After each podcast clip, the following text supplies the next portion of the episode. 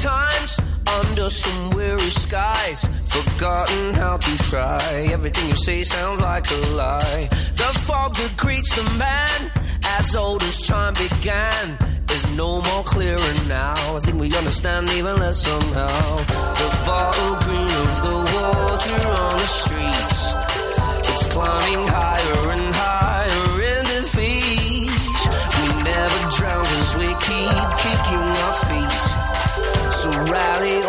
of your friends, cause they are fleet. It's just the same things that we don't know. It's just the same things. Anem ara amb una mica de cuina perquè ja fa dies que no saludem a la nostra gastrocol·laboradora, la Marina Antonet. Marina, bona nit. Bona nit a tothom. Avui a la secció parlem de cuina xinesa. Doncs sí, eh, parlar de cuina xinesa eh, és parlar de moltes cuines, de fet, eh, i ens centrarem en una de les coses que són típiques a la Xina, que són les salses, d'acord? Però, com dèiem, parlar de cuina xinesa és, de fet, parlar d'un conjunt de moltes cuines regionals, perquè estem parlant d'una regió que és enorme, una regió molt extensa, no sé si el teniu present al mapa, aquest país, però evidentment inclou nord, sud, est i oest. Per tant, parlar d'una sola cuina eh, seria gairebé impossible.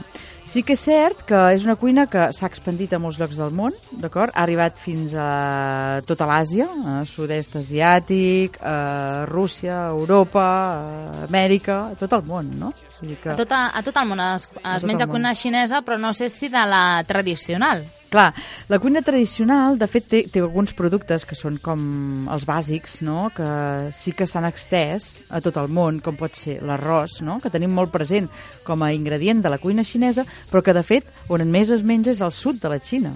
Al nord de la Xina, l'arròs no es menja ni molt menys tant com el blat. La pasta és l'ingredient estrella del nord de la Xina. La pasta i els eh, farcellets aquests al vapor, que també potser tenim presents, que semblen com uns farcellets de pa, també molt típics de la cuina xinesa. Vull dir que, eh, esclar, sí que hi ha uns productes que s'extenen, però de fet arriben molt, molt manipulats o, o molt diluïts aquí al nostre país, no? Ells, perquè per ells la cuina no és només menjar, sinó que també eh, entra dins una filosofia, d'acord, molt important per ells, una religió, també molt important per ells, i una medicina. Aquí no ha sentit parlar dels aliments yin, no?, tan, per ells tan importants, eh, que ajuden doncs, a mantenir el cos en salut. No? Els aliments yin serien els femenins, en aquest cas, i serien aliments tendres, rics en aigua, com fruites, verdures, eh? tot això més fresquet.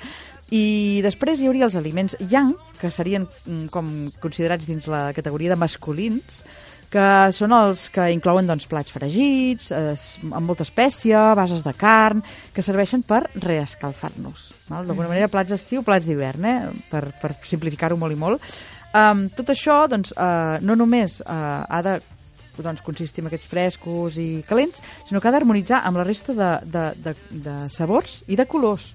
O sigui, és tan important la gastronomia xinesa que ells ho volen conjugar de totes les maneres, no només amb els gustos, sinó també amb, el, amb la vista. No? Clar, és una mica això que diuen de menjar amb el cervell, no? De, la presentació, els colors, eh, que et Exactament. trobes a, a la taula també, és una manera de menjar diferent, amb els Exactament. sentits. Sí, amb tots els sentits, perquè no només és la vista, mira, aquí tenim la musiqueta, sinó que també, evidentment, una musiqueta així segur que els acompanyaria molt bé, i també ho han de combinar amb les textures, o sigui, també amb el, amb el sentit del gust, però en el sentit del tacte, també, eh? També, també hi juga aquest element. Un cremós, un esponjós amb un cruixent, amb un... totes aquestes combinacions. Potser l'exemple més simplificat que ha arribat al nostre país, l'arròs tres delícies, no? Seria un exemple, l'aliment bàsic, l'arròs, però amb un cruixent, que seria la pastanaga, amb un dolcet cremós, que seria el pèsol, i amb una part més texturitzada, que seria el pernil dolç, per exemple, o la truita, no? La part de la proteïna, Mhm. que, on hi conjugarien en un sol plat molts ingredients. Nosaltres potser no l'entenem tant així, la cuina, aquí a casa nostra, no? Sinó que entenem més una cuina de sabors on predomini un sabor i que els altres acompanyin. Però amb ells no, amb ells poden predominar diversos sabors per igual en un mateix plat, no? Has dit que, eh, depenent de, de la regió de, de la Xina, hi havia un plat estrella o almenys un producte estrella que eh, has dit que d'una banda era l'arròs, però de l'altra eren els fideus, Mhm. el blat. Exacte, el blat, perquè estem parlant no només de cuines diferents, sinó de regions diferents, com hem dit, i això vol dir climes diferents. Al sud sud sí que hi creix molt bé l'arròs, però al nord no, hi fa molt més fred, i el que creix molt bé és el blat. Són climes més secs i hi creixen els cereals. Per tant, allà els noodles i tots eh, aquests fideus, les tallarines, tot això que també s'inclouen, de fet, en els menús d'aquests de barato, diguéssim, que arriben a casa nostra, també s'inclouen. I és perquè és l'ingredient més consumit al, a la part nord de la Xina, el blat, molt més que l'arròs. Quan parlem també de, de cuina xinesa, a mi, eh, per començar a enviar al cap, la soja. Això també és molt típic d'allà de la Xina. Sí, Ho fan sí, servir sí. com qui fa servir l'oli aquí. Sí, és un llegum, perquè la soja és un llegum que han sabut transformar de mil i una maneres i que incorporen a gairebé tots els seus plats, ja sigui en forma del mateix gra, ja sigui en forma de salsa, ja sigui en forma de, de pasta per fer doncs, eh, algun tipus de, de, de salsa, d'especial Mhm. salsa. Sí que és cert que la soja és molt, molt, molt comú allà. Uh, si et sembla, podem parlar de salses. Parlem de salses. Vinga. Doncs començant per la que dèiem, la de soja, no només hi ha una salsa de soja. Hi ha sojes de diferents preparacions. La que, ha arribat, la que va arribar primer, aquí a casa nostra, va ser la que es fa fermentada amb una base de soja, aigua i sal, i també a la que s'hi pot afegir normalment blat, blat torrat. D'acord? Seria com una soja molt, molt potent de gust, molt salada, d'acord? Molt fosca. També a vegades aquí, eh, sobretot en marques comercials, incorporen el caramel, que hi dona també aquest color tan fosc, d'acord? Però no seria la de més categoria, diguéssim. Aquesta salsa soyu, hi hauria la salsa soyu, eh, és aquesta, doncs, la que, va, la que va arribar primer aquí Mhm. i s'obté de la fermentació d'aquests grans, d'aquestes llavors de soja, amb el blat, l'aigua i la sal, d'acord? I què passa? Que conté gluten aquesta. Vull dir que sí que s'ha d'anar alerta. per S'ha d'anar en els- compte. Sí, s'ha d'anar en compte, d'acord? Per tots els celíacs perquè conté gluten. Però llavors hi hauria la, la diguéssim, de categoria superior i també més cara Això és com en el l'oli, preu. no? Eh, verge, extra... Ah, exactament, d'alguna manera, no? Mm. Potser seria... Bueno, potser, no sé si, si, si ho acceptarien, no?, el, el, els, els puristes nutricionistes, però, però d'alguna manera sí que, clar, la de soja porta com més, més barreja, no?, I, i, i el tamari, que seria la segona salsa de soja, podríem dir, és més pura, no?, diguéssim. És una soja i prou, pura, fermentada només amb aigua i sal, d'acord? No hi ha, no hi ha eh, edulcorants, ni, Mhm. ni participen en aquest caramel que dèiem que a vegades hi participa, i per tant nutricionalment és més, és, és més valuosa. Porta més ferro, porta més hidrats de carboni i té un sabor i un aroma encara més potent, per tant eh, condeix més, amb menys quantitat obtenim el mateix resultat. I aquesta soja que és més bona, la, la que no està tan, eh, que no té tants additius, la podem comprar a qualsevol supermercat o hem d'anar a botigues eh, especialitzades? Clar, l'altra soja sí que cada cop es troba més a tots els supermercats. De fet, hi ha marques comercials que feien Sí. abans vinagre i oli que ara també fan Ah, salsa de soja, soja, sí. no? Aquesta tamari jo diria que encara ara eh, l'hem d'anar a buscar en botigues especialitzades perquè eh, d'entrada pel preu, per suposo no té tanta sortida mm, comercial, no? I de l'altra perquè no deu ser tan consumida. És una salsa que si no hi estàs acostumat és, és potent de gust, vull dir, és potent, Mhm. amb poca ja, ja en tens molt. Però de l'altra és molt beneficiosa, per exemple, per aquests problemes de celiaquia que dèiem, perquè com que només hi ha soja, doncs no, no hi ha aquest problema, no? Seria més apta per tothom, no? Sí, sí. Mhm. Però sí que és cert que la trobes ja en ampolletes més eh, petites, en marques doncs, més especialitzades i, per tant, Més el preu... exclusiu. Sí, més exclusiu. Hi ha val? més salses així que caracteritzin la sí, hi ha més xinesa? salses, algunes de les que arriben, d'aquestes que dius, oh, aquest gust tan xinès, no? Hi ha salses que ens han fet pensar, quin gust més xinès, no? I és que predominen molt. La salsa de peix és una salsa que es posa, un condiment, vaja, que deriva del peix fermentat i que molt sovint en aquests plats que ens presenten de peix i això en els xinesos, doncs l'afegeixen no? l'afegeixen i també eh, bueno, mm, ens aporta aquest punt saladet, perquè és un peix fermentat però amb, Mhm. salaçó, amb salazón, no sé com es diu en català, amb, amb saó o sagó, em sembla que es diu, eh, doncs que potencien aquest gust salat. No? De fet, moltes salses a la Xina eh, fan això, salen el, el, el, el mateix plat o bé el tornen agradolç, una altra salsa molt típica, la salsa agradolça. I com es fa la salsa agradolça? És molt Doncs- difícil? La salsa agradolça té diferents maneres de fer-se, diferent... de fet les marques comercials doncs, se l'adapten i la fan seva, no?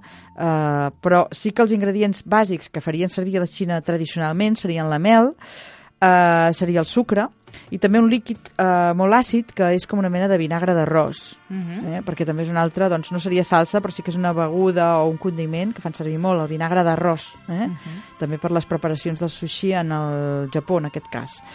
Eh, hi posarien també salsa de soja, tomàquet, api i diverses espècies, com el gingebre, clau i sal. Perquè la salsa agradolça, si l'heu tastat, doncs té aquest punt picant que li dona el gingebre. Un altre dels ingredients també molt utilitzats a, a, tota l'Àsia, de fet, el gingebre, no? I el tema del wasabi és només uh, per la cuina japonesa o també pels xinesos? També fan servir wasabi? Sí, però no tant. La veritat és que el xinès té una altra mena de picant. Eh, Un picant que potser sembla més al gust indonesi o al gust uh, coreà que no, que no al gust japonès, no? Uh -huh. Perquè el wasabi, que és una arrel, perquè és una arrel triturada, uh, és, una, és un picant que se'n va cap al nas, no? A vegades, si hem tastat el wasabi, Sí. el, la picor ens puja, no? Per aquí el, el, els narius del nas. En canvi, el picant xinès ens va més cap a la gola, com una miqueta passa també amb el mexicà, no? Que ens, ens pica més la llengua, el paladar, el, la, la gola, tot això, no? Totes aquestes parts que sí que ens proporcionen, per exemple, espècies com, com això que dèiem, el gingebre, no? Uh, quines salses tenim més? N'hi ha una que és molt, molt típica, molt, molt típica, i que dius, ostres, doncs mira, no m'havia plantejat mai, doncs, uh, fins que finalment vaig dir, ai, mira, doncs és aquesta. I és la salsa hoisin, perquè pel nom, salsa hoisin, eh, que escriuríem H-O-I-S-I-N, hoisin, dius, ostres, no em sona de res, però si us dic la salsa que acompanya l'ànec lacat, eh, el pato laqueado, tan conegut, Uh -huh. ostres, potser sí que aleshores us sonarà més. I direu, d'on gust "Ostres, té ja sé". aquesta salsa? Perquè ara no la tinc molt present. Doncs és una salsa de... Visualment és fosca i de textura molt cremosa, gairebé untuosa, sembla una, un ungüent, gairebé, Mhm. eh? Uh, és molt fosqueta, de color marró granatós, d'acord? I té un gust agradolç, um, molt suavet, o sigui, no, no pica, no, no és àcida, és molt agradable al paladar. De fet, contrasta molt bé amb l'ànec, que té un gust com molt suau, molt suau també, Mhm. llavors li- li potencia una miqueta el gust. Però no és molt salada, és agradolça. Es fa amb... A veure, que he buscat la, la recepta tradicional de l'estil mandarí, que hi ha aigua, sucre, soja i vinagre eh, destil·lat, arròs i sal, farina de blat, que deu ser farina de blat com seria per nosaltres la maicena, que és el que li dona aquest Mhm. espessor no? i aquesta brillantor, all i xiles, d'acord? Conservants i colorants. La majoria de vegades que li donen aquest gust, Mhm. eh, aquest color també, volem dir, tan... Gairebé és un, un color xocolata, eh? un color xocolata tindria. És que jo l'ànec lacat no, no, l'he t'acaba provat de- mai. Ah. No, L'ànec lacat normalment en els xinesos es posa en una mini tortilla, saps com aquestes mexicanes? Sí. Que, una tor mini tortilla que, que també fan a la Xina, molt primeta, que seria com una crep petita, eh, calenta, d'acord? Llavors t'hi tallen així en juliana un all tendre, D'acord? I l'ànec lacat va molt, tallat molt fi, com si fos un carpaccio. Si fos un carpaccio. I t'ho donen tot separat Clar, i tu t'ho Ara m'has muntes. dit l'ànec lacat i m'he imaginat com el, el, el Clar, pavo com- de, com- com pavo de- de, de- Nadal, no? De Nadal. I no, no, no. El no. gall d'indi de Nadal, dic, ostres. Clar. I no, no, és molt No. diferent, perquè a la Xina poques vegades et presentaran tot l'ànec allà sencer. O sigui, te'l presenten, te'l tallen, però molt fi, molt fi, perquè a la Xina això ho tenen, tot, tot és, És fi, molt cookie. Pinet, fi, finet, petitet, tot, tot, tot, molt cookie, sí. Llavors tu, tu, tu donen ja així laminat, molt fi, com un carpaccio, i tu t'ho vas omplint com una tortilla mexicana, eh? Tens la, la crepa aquesta mini que dèiem, i a dintre t'hi poses doncs, una miqueta d'all, una miqueta A més, de- més divertit així, no? Oh, i tant, sí, sí. I a més en tens unes quantes, vull dir que pots anar repetint segons la gana que tinguis. En pots fer 3 o 10, vull dir que vas, vas fent en funció. I ahir tires a dintre aquesta salsa que hi dona, jo crec, la gràcia a, a l'ànec. Sí, Mhm. sí, perquè de fet l'ànec per dins és molt suau, molt suau.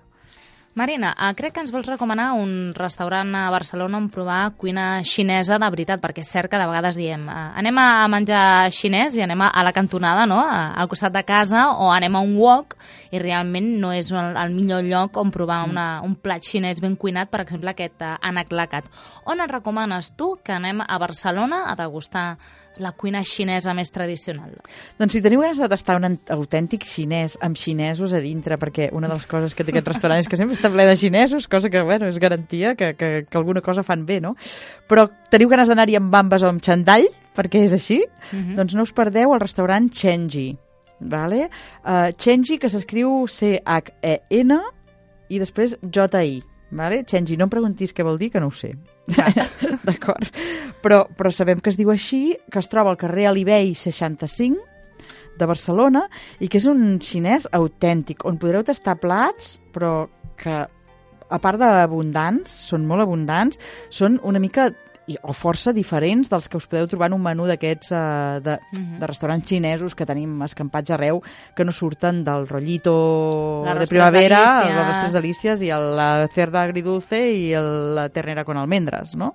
Doncs en aquest hi trobareu plats també molt arriscats, perquè en aquest restaurant hi podeu trobar, per exemple, arròs xinès, també n'hi ha, padella amb bolets, els ramen o noodles que dèiem que estan tan de moda són bols de sopa, però bols que són com gibrells, eh? o sigui, alerta si demaneu la sopa, perquè és molt abundant. Jo us recomanaria partir-la, perquè si no amb la sopa ja quedes tip.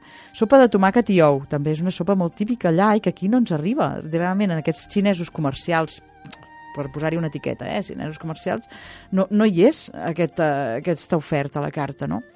Uh, també tenim l'ànec lacat, que dèiem, presentat, arròs espaciat, pollastre gradols també el tindreu, bou saltejat, pollastre amb ametlles, però una cosa que no trobareu segur als restaurants xinesos, eh, diguéssim, més habituals, que són els menuts, el que diríem la casqueria. Aquí podreu tastar Clar, potser us fa una mica d'angúnia, eh? però heu de ser arriscats. Podeu tastar pulmons, fregits, per exemple, eh, o intestins arrebossats, o potes de, de gallina, també com cruixents, coses d'aquestes. Doncs això de les potes de gallina ho he vist en aquests concursos de, de gastronomia de la tele, Sí, que són talent shows, sí. tipus Top Chef o Masterchef. Moltes vegades els, els hi fan cuinar potes de, de gallina, com si Sí, fossin sí. cruixents. De fet, no fa tants anys, jo recordo quan era petita, la meva iaia, en el brou de, de l'escudella, hi posava, doncs, el típic que hi posem pilota, doncs, el pernil, la pollastre, i les potes de gallina. I ens menjàvem les potes de gallina. Degudament netejades, sense pèls ni ungles, eh? Perquè Clar. jo he vist eh, snacks d'aquests xinesos amb les ungles incloses allà, que dius, per favor, No, fes-li Marina, la manicura, sisplau. Has de ser arriscada, no? Sí, sí. Hi ha algunes coses que per no saber-ne però fan una mica d'angúnia. Però és cert que si voleu arriscar, també teniu les, les, les que no són tan desconegudes potes de granota, eh? les anques de granota són molt típiques també en els xinesos i ara en podeu trobar fins i tot a la sirena, o sigui, en la... de congelats o, o altres, bueno, he dit la sirena per dir una marca, però, però que hi ha altres botigues Sí de és congelats més, que també eh, ara és és, més més, típic, habitual, no? és- També hi ha alguns restaurants que ara també en serveixen o podreu trobar, jo que sé, més, més coses, no? Serp o, bueno, jo que sé, animals bèsties que tampoc no tenim tant costum, no? Però bé, de tot plegat, hi ha coses molt bones també que no són tan carnívores, podríem dir en aquest xinès, que també són molt bones i que us recomano molt, com el xiang, el xiao long bao. El xiang long bao són aquests eh, farcellets de, de pa, semblen, de pa molt Mhm. fi, omplerts de carn, d'acord? Són molt típics de... no només la cuina xinesa. Ara es porta molt també a, a les food trucks, aquest, Sí. aquest tipus de pa que és com més blanquet, Mhm. oi, molt tovet, aquests Sí, és un pa com porta molt saludable perquè està fet al vapor i tal, i de vegades està passat per la planxa després, no? Es pot Mhm. servir tal qual, al vapor, o passar per la planxa. I omplert de moltes coses, clar, el pots trobar far- farcit de carn, de gambes, de vegetals només, Mhm. I la veritat és que a mi m'agrada molt, perquè sucat amb la salsa de soja, dèiem que la salsa de soja també no és un recurs, Mhm. també molts cops, que acompanya aquests plats més suaus. Doncs jo ho trobo boníssim. m'encanta. Postres. Postres, també en tenen, també en tenen, perquè els xinesos una cosa que tenen que els falla, no? I a mi em sap greu perquè sóc molt de postres, sóc molt de dolços, i quan vaig a un xinès, hosti, sempre amb ganes... mm, A vegades no demano res, perquè només hi ha els xilis, no? La, les El meces caramelitzades i el flan xino, no? I el licor, no? I el licor, sake. no? El licor de sake, exacte. Doncs aquí fan uns bunyols de carbassa que estan boníssims. Que si hi aneu, tasteu-los, són boníssims, eh? També fan boletes d'arròs i eh, farcides de mongetes d'azuki, mongetes Mhm. d'azuki, també, que és aquesta mongeta fosca, que normalment es fa com una marmelada, no? Se Mhm. serveix amb les postres. Això els fans del Doraemon ja ho saben molt bé. Uh, I bé, aquestes postres també us les recomano molt. I no sé, si em deixo... Ah, sí, una cosa molt important d'aquest restaurant xinès. S'aprofita tot. Tot, tot. No només a l'hora de posar-t'ho al plat, sinó que si tu vas a aquest restaurant i et quedes molt tip, perquè realment les racions, com he dit, són abundants, tenen uns tàpers a la Mhm. sortida i et posen dins el tàper uh, tot el que t'hagi sobrat. Això està molt bé, Sí, veus? sí. I no cal demanar-ho específicament. Ara s'està començant a posar de moda, o la gent ho està començant a fer, no? a atrevir-se a demanar, escolta'm, guarda'm això, que em sap greu llançar-ho. Sinó que ells ja ho tenen super, super eh, adoptat des de fa anys. Tenen ja una pila de tàpers a l'entrada Mhm. i veus que constantment surt gent amb el seu tàper, no? Per exemple, el Xiaolong Bao, que, que està boníssim, però clar, és una massa de pa i em sembla, no sé si te'n posen 4 o 5 en el plat uh -huh. i potser no t'ho acabes, doncs t'ho pots emportar a casa i després fas com un ressupor o un dinar l'endemà de, de xinès autèntic. Això hem dit que es troba al carrer Alibey, saps més o menys sí. la zona de Carrer Barcelona? Alibey número 65 és una zona on ja veureu que hi ha molta cosa xinesa, perquè no només hi ha restaurants, sinó que també trobareu... Però què és, pel Raval comerços. o per on, de Barcelona? No, està, a veure, Via Laietana cap a la dreta, que no sé quin nom té aquell barri. Sí, bueno, a, a prop de, del mar, vols Sí, dir, no? sí, que hi ha sí, correus... del mar, exacte, sí, és sí, la, sí. la zona aquella. Per allà. I trobaríeu també, si després us ve molt de gust, doncs hi ha molts restaurants, ai, molts restaurants, anava a dir, molts supermercats xinesos, però no d'aquests de, com a restaurant, eh, súper de cuina exòtica. No, no, un supermercat autèntic on podreu trobar, per exemple, jo he arribat a comprar el tofu i seitans, que aquí estan caríssims perquè ho tenen com una cosa molt especial, eh, a preus, bueno, supereconòmics, o sigui que aneu-hi. Si no teniu ganes d'anar amb xandall, al costat Caihuan, Caixuan, que són els mateixos, però així una miqueta Deluxe. refinats. Sí, deluxe. Doncs Marina, gràcies per aquestes recomanacions. T'esperem d'aquí un mes a, a l'Iceberg. Bona nit. Bona nit.